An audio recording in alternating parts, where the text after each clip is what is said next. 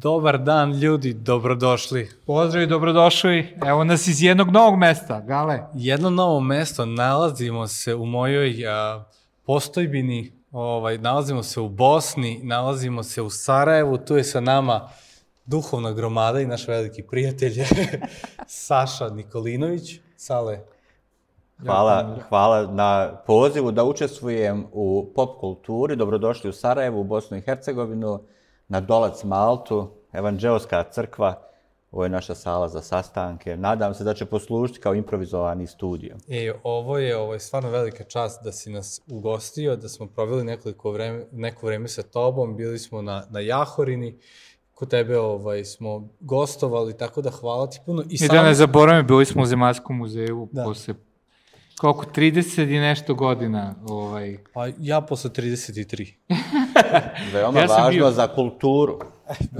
ja sam bio ovaj kao klinac tu, sećam se ekskurzije, sećam se tog dvorišta iz grade, a i onako neko sam hteo da dođem da vidim ponovo. Ovaj. Mm. I ispunio mi se želje. Hvala Sala. Jeste Sala, hvala puno. I drugi put. I kao što ovaj, vidiš, mi smo se sami pozvali da snimimo kod tebe ovu pop kulturu, ali ne samo tako, nego mi znamo zašto smo ovde. Ti si, kao što si već rekao, pastor evanđelske crkve, ovde u Sarajevu, i ja verujem da, da ali stvari, reci nam nešto više ovaj, o, o sebi, šta, kako, ko da. si, kako se desilo neka tvoja priča sa, sa hrišćanstvom, dakle dolaziš neka pozadina možda, čisto da te ljudi upoznaju, a onda ćemo ovaj, kasnije da pričamo o tome ko si ti, šta radiš, šta si danas i ono... Da, da. I umetnosti. I umetnosti, da. I umetnosti, da. A dobro, evo već više od 20 godina sam pastor u Evanđelskoj crkvi u Sarajevu i više od toga 20, možda 7 služim tu puno vremeno. A rođen sam u Sarajevu, tu sam odrastao, ne u ovom dijelu grada, više u, u centru. I bio sam tu kroz gotovo sve vrijeme svoga, svoga života. Danas imam 52 godine, imam suprugu Drinu i dva sina, Feđu i Vanju, koji su ono već odrasli momci 22 i 20 godina, 21, Vanja će uskoro napuniti. I moja neka, moje iskustvo sa kršćanstvom se ozbiljno se desilo kada sam imao 21 godinu mm. uh, u Sarajevu. U, tačno negdje, sinovi sad, jel? Tačno tako. Tač, tamo negdje pred rat, možda šest mjeseci pred rat, jedan prijatelj me pozvao da, da dođem u, u crkvu. Ja baš skoro ništa nisam znao o protestantima, niti o evanđelskim kršćanima, niti o pentekostim crkvama kakva je ta bila u koju sam ja konkretno zalutao toga dana, ali od tog trenutka moj život se uh, dosta, dosta promijenio. Inače, dolazim iz miješanog braka, kako bi mi to rekli jel, na, ovim, na ovim prostorima. Moj, moj otac je Srbin, jel, kao trebao bi biti pravoslavni, ali nije bio, nije bio neki vjernik. Postao je vjernik kada je imao, kad je imao 60 godina. Mm. Mislim, ja sam usvjedočio, moja, moja sestra također. Ali u to vrijeme on nije imao nikakve vjer, veze sa vjerom. Isto tako, moja mama je iz bošnjačke pozadine, što znači muslimanske, ali ni ona nije bila praktikant jel, svoje vjerske tradicije. I ja sam odgajan tu nekom ateističkom duhu, dijete komunizma, socijalizma, to su bile moje, moje vrijednosti i ali upao sam u životne onaj nekakve e, da kažemo životna iskušenja koja su sigurno velikim dijelom bila i povezana sa raspadom naše bivše zemlje. Mislim da kad analiziram iz ove perspektive taj period svog života, mislim da sam bio pod velikim utjecajem raspada Jugoslavije. To je donijelo neku generalnu razočaranost sa, sa životom. Inače sam bio uh, punk rocker, i živio poprilično onako neki slobodni stil, stil života, ali u to vrijeme sam odveden i, um, i malo dublje u neku tamnu stranu sve te priče o, o punku i rock and rollu, počeo sam konzumirati opojne droge i, i, i prodavati i dilati ih i sve, mm. sve više i više. I to neko, taj neki trenutak kada me kada me je prijatelj pozvao da, da posjetim evanđelsku crkvu, sam već bio negdje otprilike dvije godine onaj, i ovisnik o heroinu i razmišljao sam pa možda, šta ja znam, idem da bi. Mada sam, nisam odšao da tražim pomoć, više sam bio onaj, iziritiran idejom crkve u tom trenutku, mislio sam da to nije, nije to, mada nešto unutra me je onako kopkalo, mm. puno više nego, nego inače. Nisam mogao da, da, da nađem mir sa, uh, sa tim da prestanem da razmišljam o tome. Pa sam kao tobože odlučio da odem u crku, da nekako sebi dokažem da to nije to. U stvari imao sam iskustvo sa svetim duhom koje mi je kao prvi korak na neki način uh, otvorilo neka vrata moga srca da vjerujem da, da možda nešto više postoji. I onda kroz uh, čitanje Ivanovog evanđelja koje sam dobio ono, jednu neuglednu knjižicu onako na, otkucanu na pišačoj mašini, u to vrijeme nismo imali literature kao danas. Ja čitajući Ivanove evanđelje otkrio sam otkrio sam Isusa Krista i, i za nekako i ljepotu njegove ličnosti, njegovog dolaska, utjelovljenja. I, I onda sam jedno četiri, pet mjeseci kasnije predao svoj život Kristu. Vrlo brzo je počeo rat i onda priča se nastavlja. Super. A interesantno mi reći, ti kažeš ovako, ubacujem se u celu priču, nismo o me razgovarali, da je tvoj život obeležio raspad Jugoslavije. Da. Bio sam na jednoj konferenciji gdje su bili ljudi iz Istočne Evrope. Svi oni su govorili kako im je pad komunizma bio prijelomni moment neki. Da. I apsolutno nisam mogao ništa da se identifikujem u njihovom načinu razmišljenja. I za mene ono kao raspad Jugoslavije, rat, obeležio taj moment tinejdžerstva odrastanja, ali promjena ta neke, kao da nije dotakla nas, nego smo samo bili u tom šoku da se raspalo ono gde smo živjeli. I, da. Ja, ne znam što misliš o tome. Pa, socijalistička Jugoslavija definitivno bila, definitivno bila drugačija priča od istočnog bloka. Da. Ja vjerujem, mislim, mi smo jel, znali te neke ljude koji dolazili kod nas na ljetovanje iz Češke, Mađarske i tako nekako. on su puno, ako, da, da upotrebim taj onako termin, oni su puno bili nekako uh, jadniji od nas, ako, ako nije dobar, dobar termin, ali nekako siromašnije su djelovali. Ovaj, naš život je bio puno, puno bolji. Neki, neka vrsta komunizma, light, kako mi to kažemo, jel? Da. Mada nije to komunizam ni... Jeste, ali ni... definitivno nas je to obeležilo. Onako. Je, ali naš život je bio poprilično dobar, ja mislim, mm. da iz, iz posebne perspektive današnji ljudi, naše generacije, mislim da ono što smo imali prije ima puno više onih suštinskih, kvalitetnih vrijednosti nego što društvo u kojem živimo ima danas. Ja isto mislim da. Ono što čini život kvalitetnim i dobrim. Da, ja sećam neke kampanje tu, uh, 80. i neke sa srcem i zvezdom, poziv na određeni moralni način života, omladinske akcije, svega onoga što, što smo tada doživljavali. Sa druge znam... strane, ja sedim ovde i slučajno vas ja u tome ni čemu nisam odrastao. Da, kao što nisi ni ovaj, najavio da je ovo pop kultura, nego si Tako samo... Tako je, sad sedim ovako i razmišljam, ono nisam ni najavio šta, šta, šta radimo. Ovaj.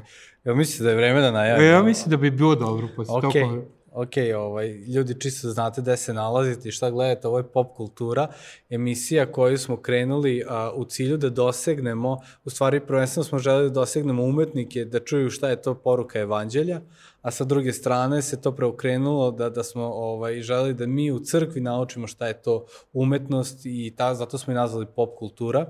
A ovaj, a, kako to činimo? Činimo kao što vidite, mi svi nosimo ove naše svešteničke odore koje ni Saša, ni Bera, ni ja ne nosim u našem svakodnevnom životu, nego samo u nekim specijalnim prilikama i to je ideja da a, mi formalno, u, u formalnom ovom izgledu dolazimo i pričamo o neformalnim temama kao što je umetnost, kao što su neke druge stvari, muzika, film, a ovaj sa ciljem da prenesemo to u jednu drevnu poruku, tačnije da jednu drevnu poruku, da sagledamo kroz jednu drevnu poruku Svetog pisma. Tako je. Tako da to, to je neka ideja a, pop kulture, malo zbunjujuća, ali čućete o čemu se radi. E, neću da govorim isto o zbunjenosti i ovaj, preskakanju, ali nema veze. Da, da. Ovaj, a, I prošli put si isto zaboravio. Tako? Svaki put zaboravim ne, i ovaj, ne, ne prestavim. Tako da, okej. Okay, okay. Morat ću ti poslati kod nekog klinca youtubera da te nauči taj Kako da ubaciš? Slušaj, papir sve trpi, treba ovdje papir. imati nekakav. ne, ne, ja obuka kod nekog youtubera. Ja, ja obično imam papir i puškice, sve napisano tu šta ćemo pričati, ali... Ali ja sve jedno preskoči. Da, ja, da, da. da. Nego, Sale, ovaj, ono što nas interesuje ti, osim što si, ovaj, ti si u načelu tada doživao jednu radikalnu promenu u tvom da, životu da. i postao si uh, venik, uključio se u život crkve. Da li si pre se bavio umetnošću ili kada je to neki interes za umetnost se rodio kod tebe?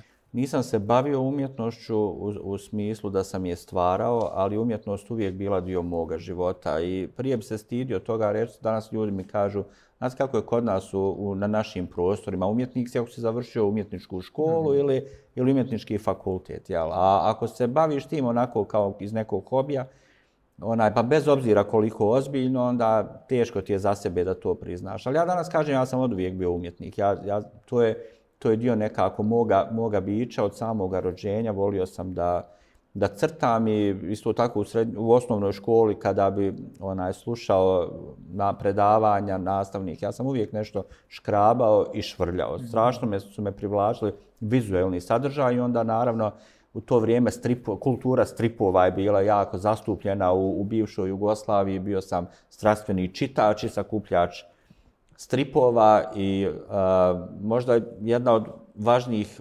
trenutaka u tom mom odrastanju je bilo kada mi je deda za, mislim, 12. rođendan poklonio najnovije izdanje enciklopedije Jugoslovenskog leksikografskog zavoda i to je po prvi put bilo, ja mislim, da su ilustracije ili dobar broj ilustracija, posebno umjetničkih dijela, bio u boji. I tad sam po prvi put onaj bio su nekako izložen a, tim bojama umjetničkih radova visoke, visoke mm. kvalitete. Ja bio sam klinac, nisam tada išao u galerije, moglo se to vidjeti i i uživo, ali ja sam bio dijete, po prvi put vidio Picassove radove, Salvadora Dalija, nekih jugoslovenskih, također autora svih mogućih žanrova i za mene je to bilo otkrivenje. I naredni period života sam proveo puno u tim enciklopedijama, čitajući ih, nekako upijajući. A sa Doskom crku, da li se to zadržalo ili je si imao period onako kada si umetno sklonio iz svog života. Da. A interesantno, ja sam taj dolazak u crkvu, mogu reći, nekako romantično doživio, mislijeći da, da, da sad ja dolazim u crkvu i budući da sam nekako ipak odrastao, spomenuo sam mješoviti brak, ali ja sam odrastao više u toj pravoslavnoj. Moj deda je imao i baka, imali su imali jednu jako lijepu ikonu, ovaj rusku Krista iznad, iznad, iznad svoga spavačeg kreveta. Ja sam odrastao gledajući u taj, u taj lik Krista. I odrastajući u toj pozadini, ja sam razmišljao, pa dolazak u crkvu možda za mene znači da ću sada konačno da nekako nađem, pronađem svoj mir i da ću da slikam neke vjerske uh, slike u smislu ikona. Nisam, buduće kasnije, naravno, uh, iz ljubavi prema umjetnosti, ja sam često posjećivao crkve, gledao ikone, isto tako i u katoličkim crkvama slike na, na zidovima, kipove, uh, što modernije to me više privlačilo. Mislio sam da to nekako je dio života u crkvi. Jer nisam imao pojma mm. o protestantizmu toliko. Ali onda sam na neki način saznao da nekako to nije baš tema o kojoj se kod je nas priča. priča jel? I jedna interesantna autorka istoričarka umjetnosti iz protestantske tradicije, ona kaže, teško je pronaći zadnjih 200 godina eksplicite onaj neke citate iz knjiga gdje se to, ili čak ni teološki, gdje se to specifično zabranjuje. Ali od protestantske reformacije to je jednostavno postalo dio naše kulture. Mi smo toliko uronjeni u neku vrstu ikono, ikonoklazma uh, i ostataka toga vremena da, da, to, da to je jednostavno dio onoga što mi jesmo i umjetnici. Mm ne pronalaze baš previše mjesta za sebe u našim crkvama i zajednicama. Da, da. I neko, izvijem ga nešto, da. Ne, meni je interesantno to što, što, što govoriš ovaj, o reformaciji, ikonoklazmu i svemu tome, ovaj, ali možda samo da, da, da, ovaj, da, da kažeš nešto, reži dve o tome, ovaj, čisto šta je to, ovaj, ako, ako ti nije, nije ovaj, jer ima nas puno koji to ne razumeju. A ja, dobro, to je, vel, to je velika priča, provat da budem kratak i koncizan, ovaj, uh, religiozni, E, ima ključ sam. Čekaj, ući će ima ključ, ali ključ sa druge strane, gale, moraš... Stigo nam je Beki. Ok, dok oni ide, nastaviti da nastavljam priče, da. A, mogu reći da sre, srednjevjekovno kršćanstvo je doživjelo u mnogim, iako mi volimo da kažemo da je to bio naravno iz protestantske tradicije mračni srednji vijek, u stvari u, u smislu nekog kulturnog procvata a, nakon rimskog carstva, on je doživio jednu, jedan svoj uspon i razvoj posebno, kroz utjecaj crkve na, na društvo, umjetnost i umjetnici su pronalazili svoje mjesto u okviru života crkve, jel? I na istoku... Koji su bili mecene zapravo svih tih umetnika. I na istoku i na zapadu nema kvalitetne umjetnosti bez značajnih e, ulaganja iz sredstava. Tako da su crkve bile na, na ručioci. Naravno, isto tako kroz poplavu, da kažemo, štovanja raznih relikvija i svetaca koja je već onako se pronalazi u spisima crkvenih otaca, hagiografijama iz drugog, trećeg vijeka. Već se vidi jedan blagi uspon u, u, u toj kulturi umje, uh, sakupljanja, proizvodnje umjetničkih predmeta i onda naravno što je rezultiralo u možda i u nekoj praksi da se ti predmeti počinju i, i, i koristi u bogoštovlju, pa onda čak i na neki način koji možda nama protestantima i ne leži baš najviše. I sada u poplavi e, tog jednog uh, vrlo aktivno pulsirajućeg društva koje traje otprilike hiljadu, hiljadu godina, gdje uh, je Evropa jako otvorena za nadprirodno Božje djelovanje, ja moram da kažem da, da te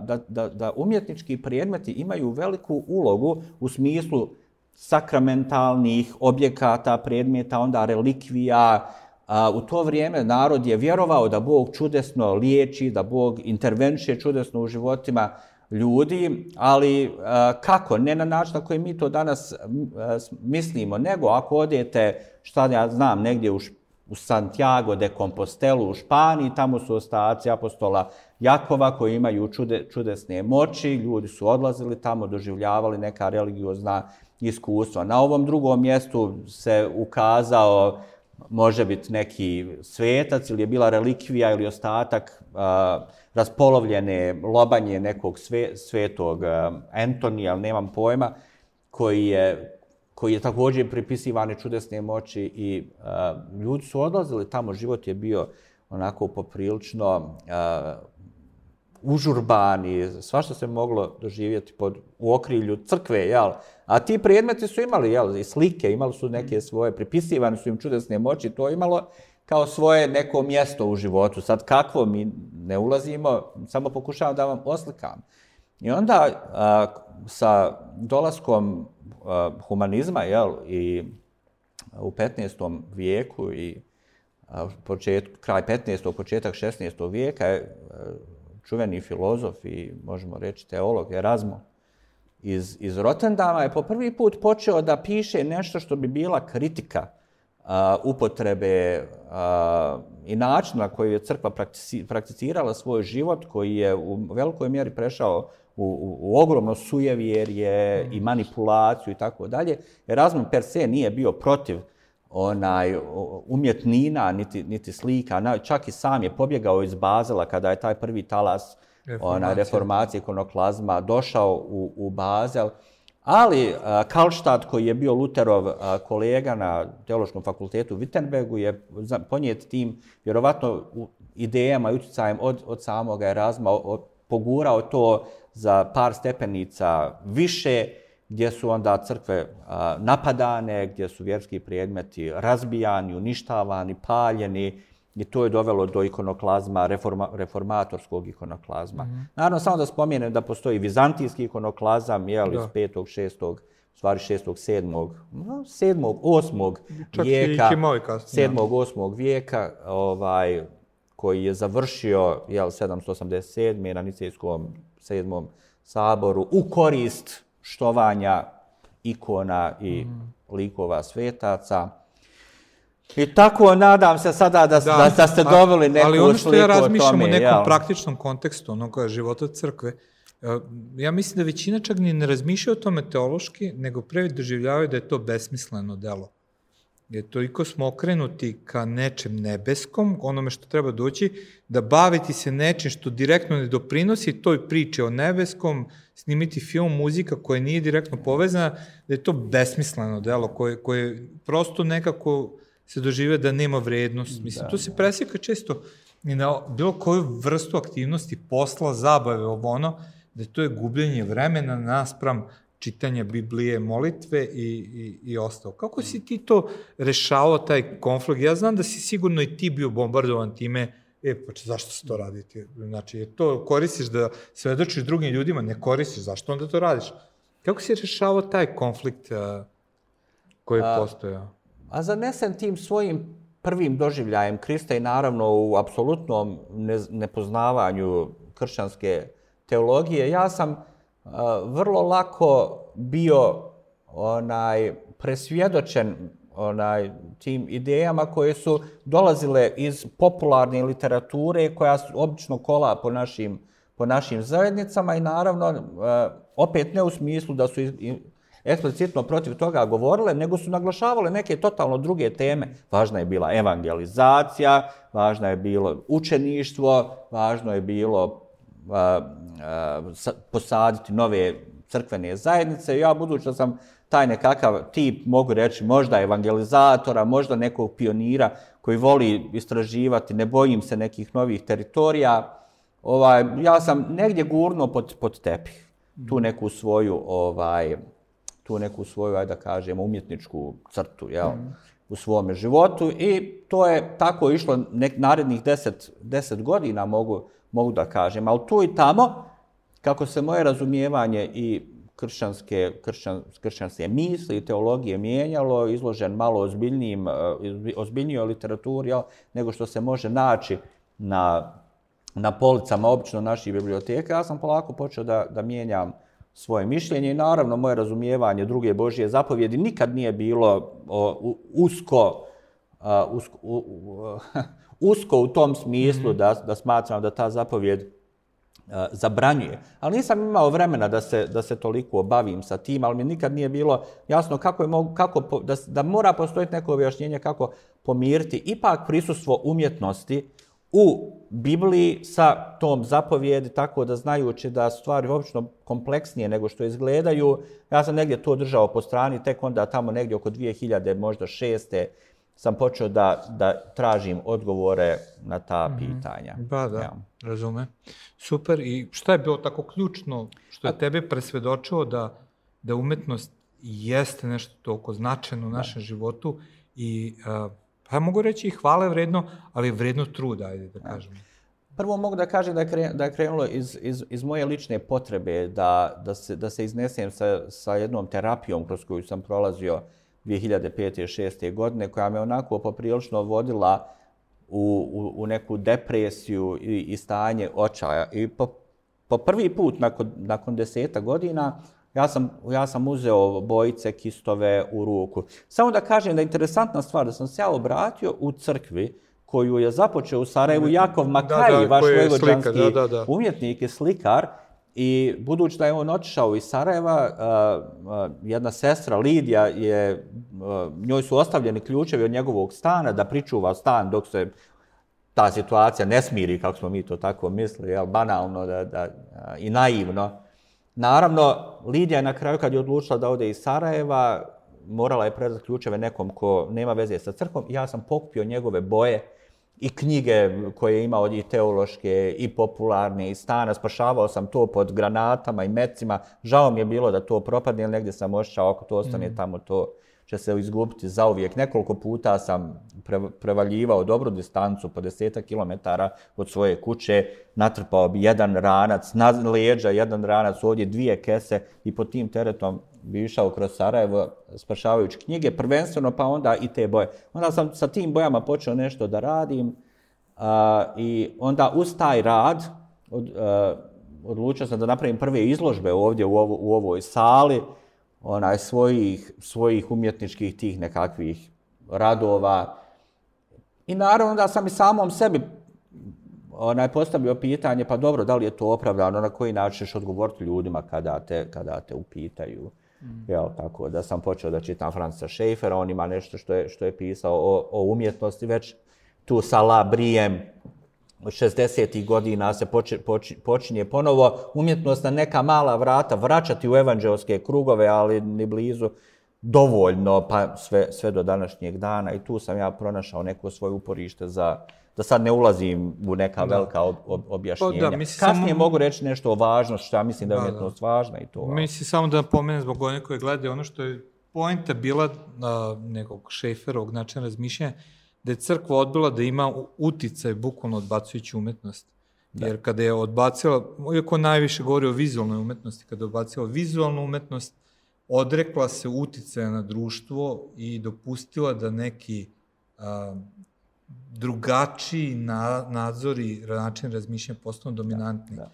I meni isto, ist, ista situacija, da ja, me pa... njegov rad i, i ono što je ILF zapravo nam govorio, otvorilo oči da shvatim koliko zapravo smo uradili lošu stvar sa vodom i izbacili bebu. Ali to se nužno odnosi na evanđelske crkve. A ja, mi trebamo biti fair, nije crkva odbacila mm. to, to, to, to su odbacili, pa čak možemo reći u određenoj mjeri ne ni protestanti tradicionalni, mada jesu, ali posebno ove crkve radikalne reformacije Radikal, koje, čiju tradiciju mi ovdje, ovdje baštinimo. I ja vjerujem da, i što ti kažeš, Bera, mi smo prvenstveno odblacili vizualnu umjetnost. Mm -hmm. Ja vam garantujem, jedan Wolfgang Amadeus Mozart ne bi imao posla u našim Absolutno. crkvama. Apsolutno. Da bi proglašen čudako i je. eliminisan iz... A kamoli Pablo Picasso ili Salvador Dali. Ovdje ćemo napraviti pauzu samo da nastavimo sa snimanjem, pošto će kamera uskoro stati. Pa, ovaj... Beki pozdrav dok on to radi. Evo Galeta nazad. Kamera ima ograničenje u snimanju, tako da smo morali da stanemo. Ovaj, sad nastavljamo. ok, ovaj, a, ono, ono što, dali smo neki malo uvid vezano za, za neku istoriju i, i, i, evan, i kontekst evanđelske crkve, to je protestantske crkve i umetnosti i koliko zapravo a, ima putera na glavi ovaj, evanđelska crkva kada je odbacila i umetnost i vizualno i bilo koje drugu. Ja, ja znam da moj prijatelj, stvari naš prijatelj Bojan Ostojić, on će često ovaj, reći nešto loše za, za muziku koju danas, e, to je za pesme slavljenja koje se danas pevaju i verovatno će on ovo i poslušati, tako će mu sad biti drago. Baš sam slušao njegovu propoved i onako staje pred crkvom i onako iskritikuje muziku ovaj, koja se danas u crkvama ovaj, koja se koristi. Tako da ono njegov argument je bio morate slušati muziku da bi mogli da pravite muziku. I to ne samo hrišćansku muziku, nego muziku, ono svu muziku, ovaj, da, bi, da bi nešto dobro počelo mm. ovaj, da se stvara. Tako da, A, ok, možda možemo sada preći ovaj, na, na, na tome o nekim tvojim radovima. I ne, možda je Sale hteo nešto da kaže, Aha, onako ja. teološki. Da, ja ka, ovo što ti kažeš, čak je Martin Luther rekao da poslije štovanja Boga sljedeća stvar koju treba štovati je muzika. Naprimjer, to, on, je, on je imao jako visoko mišljenje o tome. Stvarno, ako odete recimo u, u centar Sarajeva, vidite na, vidjet ćete na koji način su uh, gradovi tog vremena planirani. U, u centru je poznata Gazi Husrebegova džamija. Odmah preko puta džamije je obrazovna institucija Gazi Husrebegova medresa, čuvena Kuršumli medresa, obrazovna institucija koja više od 470 godina u kontinuitetu radi obrazuje ljude. Uh, onda sa, sa desne strane tamo vidjet ćete Gazi Husrebegov Bezistan. Napravio je moderni, u stvari, e, starinski shopping mall, mislim, to je taj koncept, jel, prenesen iz, iz Turske, Hamam.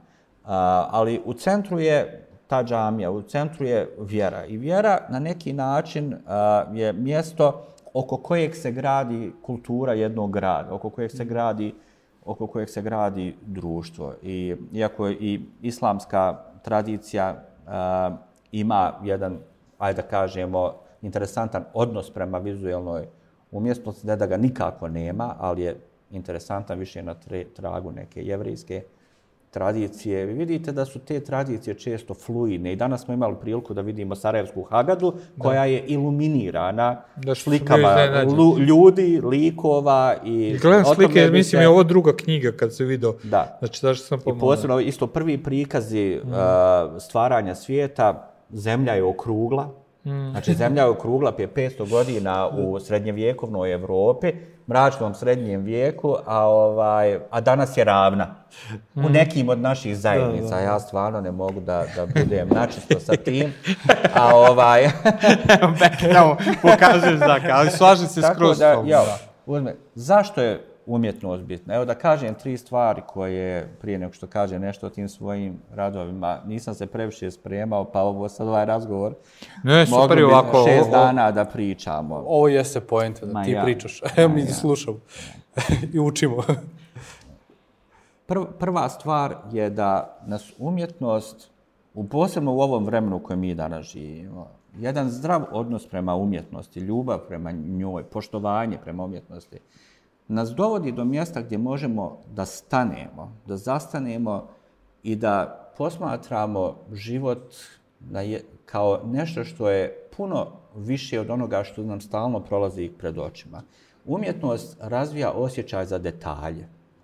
Ja mislim da niko od nas ne voli kad nas se doživljava površno, kad, nas, kad se od nama daje ocjena samo na osnovu ne, možda neke impresije ili od nečega što smo čuli od drugih. Umjetnost traži od čovjeka da stane i da se zagleda i da počne da analizira i da propituje ono što mu je pred očima na osnovu nekih parametara, mi govorimo sad ovdje o likovnom jeziku, jeziku likovne kulture, ploha, forma, linija, ritam, boja, kolorit i tako dalje. Treba naučiti jezik kulture, treba naučiti jezik likovne kulture da bi se likovna kultura mogla dobro razumjeti. Ali, u prenesenom nekom smislu, umjetnost se uči da trebamo u životu da znamo da zastanemo i da analiziramo ono što je pred našim očima, ono što su naša čula osjetila i da ne donesemo prebrzu reakciju na bilo šta. Mm. I na kraju krajeva mi na taj način štujemo Boga koji je svijet stvorio kompleksno, puno kompleksnije nego što naše oči mm. ovaj fizičke mogu to da prepoznaju. Danas smo posmatrali u muzeju leptirove koji su jako plave boje. Ta plava mm. boja se teško postigne sa bojom. A ja kažem, u ovom krilu leptira, i to sam također ja morao da naučim, da, da. nema ni jednog grama mikrona, trunke plavog pigmenta, plave boje. Nego kompleksno strukture krila i prelavanje svjetlosti kroz zakone mm. koje, kojima nas nauka uči, su dovele do toga da ta krila izgledaju tako kako izgledaju. Da. Ja mislim da bi jedan leptir bio je jako razočaran kad mi samo prođemo pored njega, pa to je samo leptir. Mm. To je puno više od samo leptira. Mm. Znači, osjećaj za kompleksnost, osjećaj za detalje i potreba da zastanemo, to je na jednu stranu. Druga stvar, imaginacija, mašta. Mašta. Mašta biblijski tekst je ispunjen maštom. Postoji jedna onaj dijelo poznatog teologa Waltera Brugemana koje se zove Prophetic Imagination. Svako ko hoće da krene na putu razumijevanja umjetnosti u kontekstu vjere, mora da pročita tu knjigu. Ta knjiga nam govori o tome, Walter nam govori o, o tome, autor priča, da je u korijenu Mojsijeve revolucije, izlaska iz Egipta, njegova sposobnost da izmašta alternativnu zajednicu, koja će biti zajednica slobodna od rovstva, apsolutno drugačija, bez ikakvih pretjeranih poveznica sa onom opresivnom kulturom iz koje izlazi, iz koje Bog želi da je izvede. Svi proroci koji čije tekstove imamo zapisane u Bibliji su umjetnici. Ako vidite način na koji oni pišu, oni pišu u stihu. Da, da, da. Ako govorimo o poeziji, onda govorimo o umjetnosti. Bez obzira jesu li oni bili pastiri iz te koje ili neki mm. svećenici koji su radili u kultu jevrijskog hrama, oni su bili ljudi koji su imali istančan osjećaj za pjesmu, za pjesništvo. I, I samim tim su znači, imali maštu do te mjere razvijenu da su mogli da zamišljaju, da vizualiziraju svijet u koji nas Bog poziva.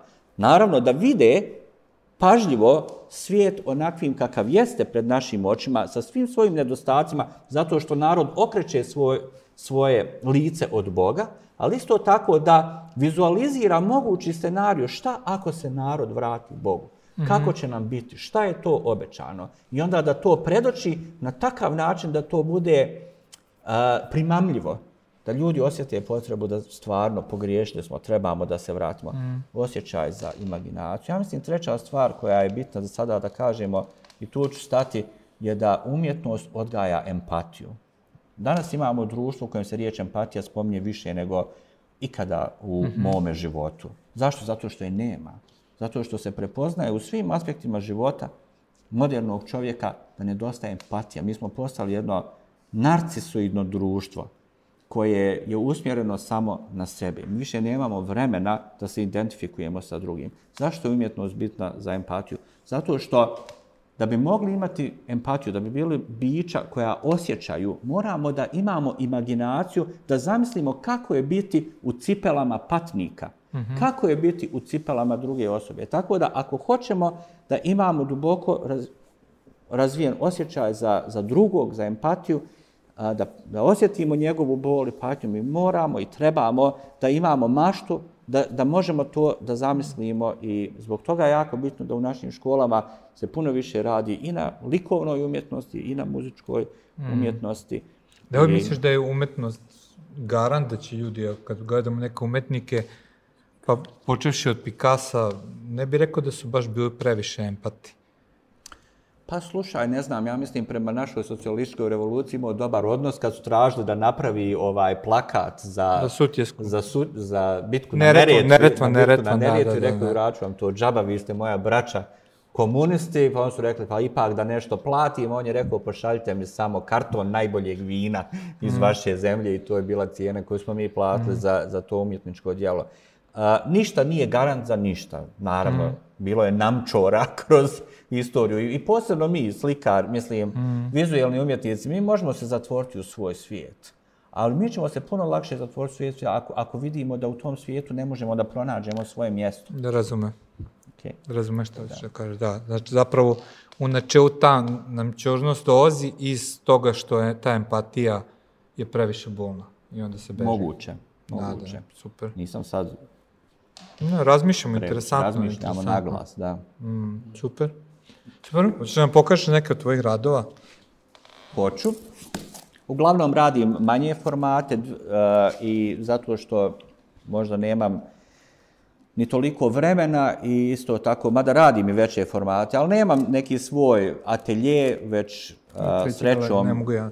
imam veći stan, jednu prostoriju gdje, gdje mogu da nešto mm -hmm. stvaram i uglavnom se bavim tehnikom kombin, kombinovanom tehnikom, jel, kako bi rekli, likovnim nekim riječnikom, riječnikom vizualne umjetnosti, gdje kombinujem a, monotipiju, jedan oblik a, grafike, neki osnovni a, oblik grafike sa onda kolažem i akrilnim ili vodenim ili uljanim, mm. uljanim bojama.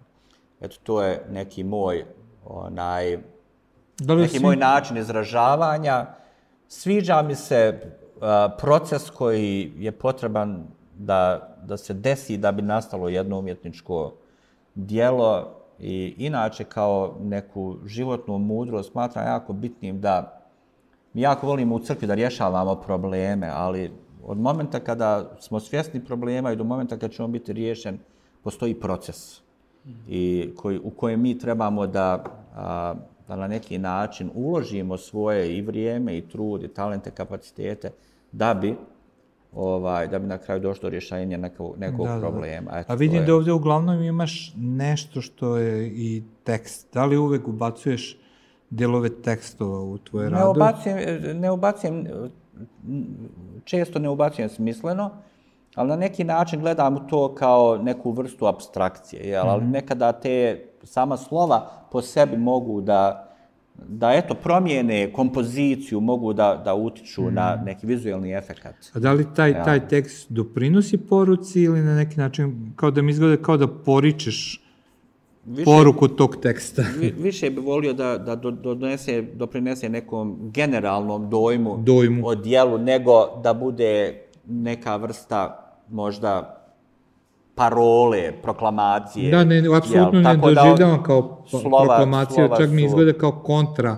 da. proklamacije. Da, kontra možda. Možda sam ja oprezan prema, prema kako da kažem, propagandi, hmm. na koju mi često čak i oni trenuci kad mi dopustimo da vizualna umjetnost uđe u crkvu, hmm. jel, onda je to najviše, 99% u kontekstu propagande, mm. jel, a ne nužno ljepote.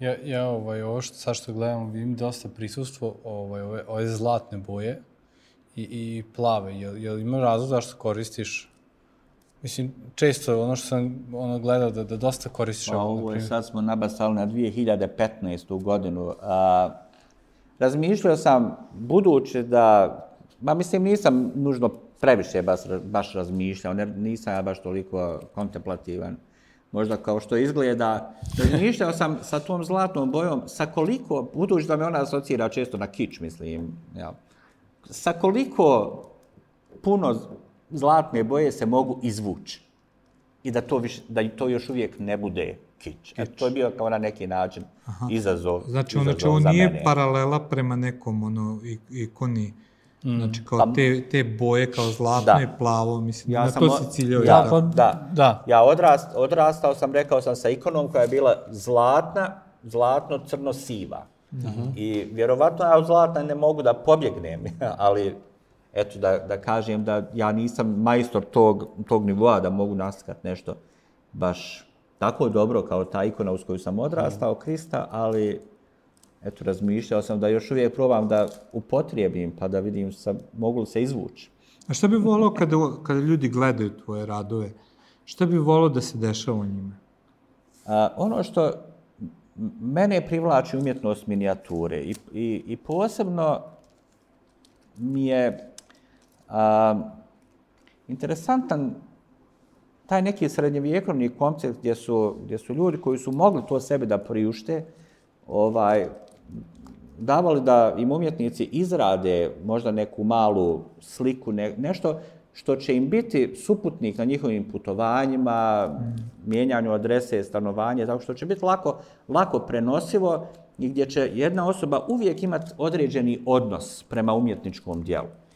Tako da mislim da minijatura, ja sam lično kolekcionar nekih e, umjetničkih radova, umjetnika iz Bosne i Hercegovine i, i šire kad imam priliku i volim da kupim neko malo dijelo, zato pod broj jedan mogu da ga priuštim, pod broj dva ono je lako, lako prenosivo i mogu da nekako imam odnos prema, neki intimni odnos prema tom, mm -hmm. tom, tom umjetničkom dijelu. Ja. I to bi želao znači da bude neka... I na neki način mislim da svako može da priušti jedno malo umjetničko djelo, možda neko većih, oni muzejskih proporcija, jel, galerijskih, teže, ipak naše crkve uglavnom i ljudi koji bi bili moja nekakva publika ili eventualno kupci ili naručioci, mogu sebi priuštiti nešto manjih dimenzija, a ne, ne velikih. I onda. A još uvijek, da imaju odnos prema umjetničkom dijelu. Ja mislim da umjetničko dijelo na zidu može da promijeni atmosferu u jednoj postojanja jedne porodice, na primjer. Način na koji odgajamo djecu. Ja mm. mislim da je jako, jako važno da na, na zidovima naših onaj kuća, stanova budu neka umjetnička dijela i to mm. može biti neki uh, starting point, mm. neki početak. Super. Onaj, mm i nekog naše obaveze da obrazujemo, da obrazujemo svoju djecu mm, u tom pravcu. A, a reci mi, ovaj, mi, mi smo krenuli da radimo ovaj podcast i snimamo ovaj, i često dobijamo, ne često, dobijamo, dobijamo neke komentare tipa koji, koji nas ono, u, u bratskoj ljubavi opominju kao šta to radite, nemojte to da radite, pravite cirkus u sebe, pravite cirkus u crkve. Jel si prošao kroz, kroz nešto tako i ono možda koji neki put nekog... u bratskoj ljubavi kažeš neka vas Bog blagoslovi i nastaviš svojim putem. Mislim, ne, ne, ne mislim savjet, ja. nego kroz, kroz čega, da li si prolazio kroz tako nešto? Kao što, kao, kao, kao... A, ja mislim, ja imam sreću da ipak ljudi u, u mojoj zajednici u kojoj služim imaju osjećaj i za, za umjetnost i dosta njih je i umjetnika. Hmm. Tako da da li su praktikanti ili ovaj ili ne, to nije toliko važno, ali ljudi koji razumiju umjetnost, tako da na neki način sam vjerovatno i ja doprinjeo kroz svoju mm. pastorsku službu da, da ovo bude mjesto gdje mm. umjetnost mm. se cijeni i da se njena vrijednost poznaje. Ja sam držao i ovdje nekoliko godina i likovne radionice art i da art venturu da i, i da danas vremena na vrijeme uradim kad ima vremena to zahtjeva puno onako angažmana i, i, i vremena i energije koju nemam uvijek mm. art ventura bila dobar onako bitan neki dio mog, mm. mog života i Tako, onda isto tako držim neke i govore u kontekstu evanđelskog udruženja studenta, sam mm. dosta puta onaj, držao govore o umjetničkim dijelima i duhovnosti koju možemo prepoznati kroz, jel, mm. kroz posmatranje i analizu umjetničkog dijela. Tako, mislim da. da i to jedan dobar način da se umjetnost približi lokalnoj crkvi. To osjećam kao neki svoj možda mini poziv da se, da se što je više moguće umjetnost približi lokalnim, lokalnim zajednicama i uopšte životu vjernika kao bitan element mm. jedne duhovnosti generalne. Super. A ima neko ono umetničko delo koje bi ti rekao da je imao najveći utjecaj na nekako na tvoj život? Pa nema. Za, zašto? Zato što a, i, i dosta puta kad bi imao a, neku priliku da budem u društvu nekih istoričara umjetnosti, on meni kažu, va dobro, ko je neka tvoja inspiracija ili a, uzor? Ja kažem, moj uzor je ona enciklopedija Jugoslovenskog leksikografskog zavoda gdje sam ja bio izložen svemu odjednom. Mm -hmm. I tako da ja, ja pronalazim ljepotu u svim umjetničkim mm -hmm. pravcima, od suvremene, moderne, impresionizma i klasične neke umjetnosti, mene, mene sve interesuje. Mm. I, e sad, naravno, vjerovatno se ne može sve to pronaći u mojim dijelima, ali nešto, nešto može. Mm. Ja. ja znam, ovaj, nešto sam gledao da si bio inspirisan sa ovim rotkom. Pa to su ove neke da. baš, da. Onaj... I, i čak ima baš... Neke, mislim, kad... Je. Jedan je završao u mojoj kolekciji. da. Super. Ovaj, reci mi još ovaj, samo, a, ako, ako neko od mladih umetnika sluša koji prolaze kao kroz, kroz, ovaj, kroz odbacivanje ili neprihvatanje u tome, kako se nositi sa tim možda? Misli sad, ne, je, je još nešto ono, nemam pojma, ja ne znam šta, šta bi rekao nekom, naj, naj, ono, nekada ti najlakše reći ma promeni, ono, mesec gde odlaziš i nemoj Recimo, bacati. Recimo, nek počne da se druži s tobom. u, u Evropi postoji, mi, mi smo i dio nekih uh, grupa na, nivo, na evropskom nivou koje, koje, koje se nalaze redovno ili preko Zuma ili uživo na nekim konferencijama gdje, gdje onako dajemo podršku jednim drugima, interesujemo, interesujemo se za ono što se što se radi, tako da mm. ovaj, ne, neka, neka nam se javi, mi ćemo ih podržati. Mi smo oni koji podržavaju da mladi se školuju u pravcu umjetnosti, mm. to je definitivno uvijek ima svoju budućnost. Mm. I ako, ako postoje djeca koja imaju talenta za to, molim vas, usmjeravate, mm. usmjeravajte ih prema tome, jer je to jedan lijep način da se, mm. da se život živi i odživi i služi, mm. služi Bogu u isto, mm. u isto vrijeme.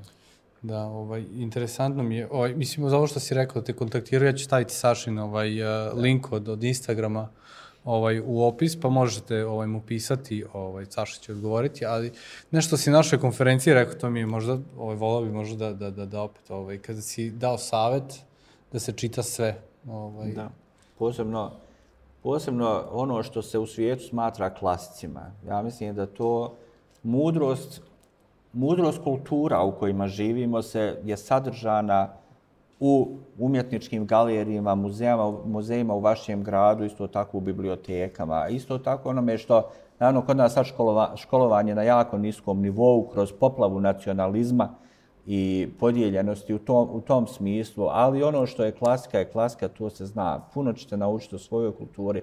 I rekao sam, mislim, možda malo i kontraverzno, ali kažem, puno više ćete naučiti tu, stvari koje će vam vrijediti u životu i valjati za čitav život nego u knjigama koje pronalazimo u našim zajednicama na popularnom nivou. Jer često te knjige su štampane zato što je neko finansirao i jednostavno su se našla sredstva. A recimo da mi kažemo, hej, želimo da izdamo tu knjigu, to već treba skupiti nekoliko hiljada maraka mm. za prije. I mnoge zajednice to, to nemaju. Tako mm. obično je, ja sam razočaran kvalitetom koji se nalazi na našim jel, polcama, to uopšte nisu ni knjige neke velike teološke vrijednosti, nego više onako popularne da se, mm. da se živi svakodnevni život, pa tako imamo kolekciju od 15-20 knjiga o krštenju duhom svetim, duhovnim darovima, učeništvu, braku i tim nekim temama koje su bitne stvarno, ali u pet deka sve te knjige govore jedno, jedno te isto. Ali za neke teme koje također mogu biti predmet interesovanja i trebalo bi biti u zajednici, a, jednostavno nema. A mogu da kažem odnos, odnos prema poslu, jako malo ima o, o, o radu, radnoj, radnoj etici. Recimo, to je jedno područje koje je ovaj, definitivno teologija rada, ja mislim, jako malo prevođena a, kod, mm. kod nas u našim Nepopularno. Eto, to je nepopularno. Ja. Mm. Mm. Super. Mm, Znam, znam, ovaj, jednom sam ono, na fejsu video izbacio si ono kao uh, fotografiju knjige od Knuta Hamsuna. Sad mi pobegao misli kako se zove knjiga. Misterije. Misterije, da. I ja, ovaj, ja odem i kupim knjigu, onako, nisam ga čak ni kontaktirao, i kupim knjigu i odlazim kod Burazera, ono, ovaj, ulazim kod njegovu radiolicu, gdje je kod njega stigla mu poštom Knut Hamsun Misterije. I onda sam pročitao i onako, ti si napisao ju šta mi knjiga u, učini. Ja, ja sam rekao šta mi ova knjiga uradila. Da, da. Mislim, Claude Hamsun je definitivno moj najomiljeni omiljeni pisac i Bez A posebno zato, posebno zato što ja nekako u životu često osjećam kao, ili mogu identifikovati sa Johanom Nagilom, tim glavnim, glavnim likom uh, knjige Misterija. Ali interesantno kako, nije to sad neka, i onda si me ti pitao šta misliš, ja kažem, ne znam je li to knjiga koju bi ja, ja nisam čovjek koji pre, ide okolo i preporučuje, niti volim da imam neke tako sljedbenike u tom smislu, jer a, smatram da neki moj ukus za stvari može biti jako iščašen. Ali interesantno čitajući uh, Henrya Millera, uh, sam dobio najveći kao srednjoškolac, jedan, uh, te knjige su mi otvorile oči zato što nisam uvijek volio čitati njegove, njegove knjige kao šta ja znam, Sexus, Plexus, Nexus, Rakova obratnica, Jača obratnica, ali taj čovjek je bogat izvor informacija šta valja. On piše o drugim pismima, on napominje knjige koje su njemu promijenile život i onda kroz to sam ja kupio informacije da, da, čitam, da čitam dalje i razvio neku ljubav u to vrijeme prema, prema čitanju i razmišljanju i tako. Mislim da jednostavno to su, to su discipline koje će uvijek biti aktualne. Čitanje, odlasci ovaj, u, u, u galerije, u muzeje, na predstave, to, to su stvari. Pa vi znate, kršćanska crkva je zabranila teatar, jer Teodosije čini mi se i to on su, to, jer je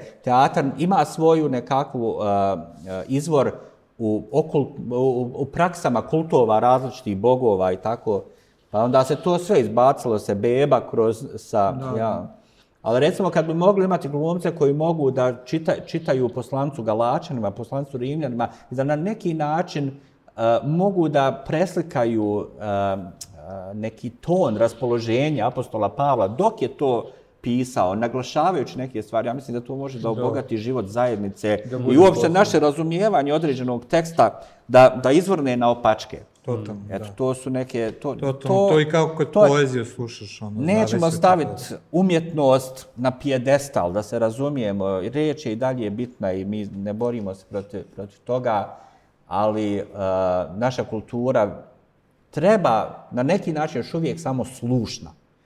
Naša kultura nije vizuelna, ali mislim da negdje u kombinaciji te neke slušnosti, razvijanje očaja, da čujemo propovijed Božju riječ, ali onda isto tako da na neki način vizuelno možemo također da primimo poruku i odašiljemo dalje. Bilo Super bi jako Sava. bitno.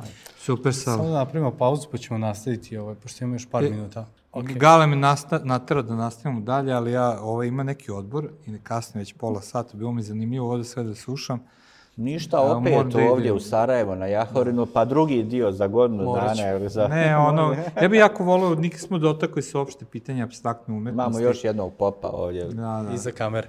Ali nismo se uopšte dotakli nastajanja. pitanje abstraktne umetnosti, još donekle realističku, realističnu umetnost se prihvata u crkvama, dok abstraktna se smatra glupošću. Mislim da to ostaje kao tema za jednu dalju priču. Da. Mm. Samo ću reći kratko, Bera, ovaj, o, to je ono o moći zapažanja, o Mm. važnosti zapažanja. Mm. Ako uzmete ovaj mobitel i, i, i pri, ako približite ovu ruku, jel se, od čega je ono sastavljeno? Od abstrakt, šta je muzika? Mm. Nego skup abstraktnih tonova koji su uklop, ukomponovani mm. u jednu cijelinu. E, da bi se razumjela i cijenila umjetnost, naravno da treba da se, da se ljudi obrazuju, ali nekad je ovako mala objašnjenja vam jasno. Vi ste, mi kao ljudi smo abstraktni. Mm, Samo je bitan uh, uh, jel, perspektiva na koji način i tačka sa koje gledamo. I čak smo to mogli vidjeti danas u muzeju, da ono drevna umetnost je bio mnogo više abstraktna nego realno. Da. Uopšte nisu da. težili do Rimljana, nisu težili realnosti, nego su težili abstrakciji i više doživljaju nego samo prenošenju kako nešto izgleda. Da. Što ne znači da je ovo loše rimsko, ali prosto neko razmišljanje. Mm. Češ da završiš pile moje lepo? Hoću, ovaj, a, Sale, hvala ti puno. Hvala Ovo je ovaj, prekratko. zadovoljstvo. I, I nama je, ono, ja sam baš jako puno naučio. I ovaj, prekratko je ovo sve što ja verujem da ti imaš da nam kažeš, ali nastavit ćemo da snimamo, sad ćemo se služiti češće i sad ćemo gledati da to bude što češće. Ovaj, Nadam da se možda i na nešto i napravim ove godine, ipak je Novi Sad, jedna od prijestolnica kulture Evrope, ja, tako mogli, da mogli bi nešto vidimo se u Novom Sadu. Može, može. A ljudi, vama hvala, hvala što pratite. A, zapratite Sašu na njegovom Instagramu koji je ispod i gledajte onu umetnost koju on kači.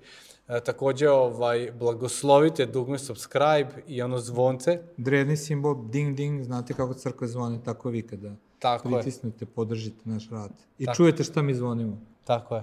Ovaj, I ovaj, hvala vam, vidimo se uh, za nekoliko nedelja, tako da, čao svima. Ćao ljudi.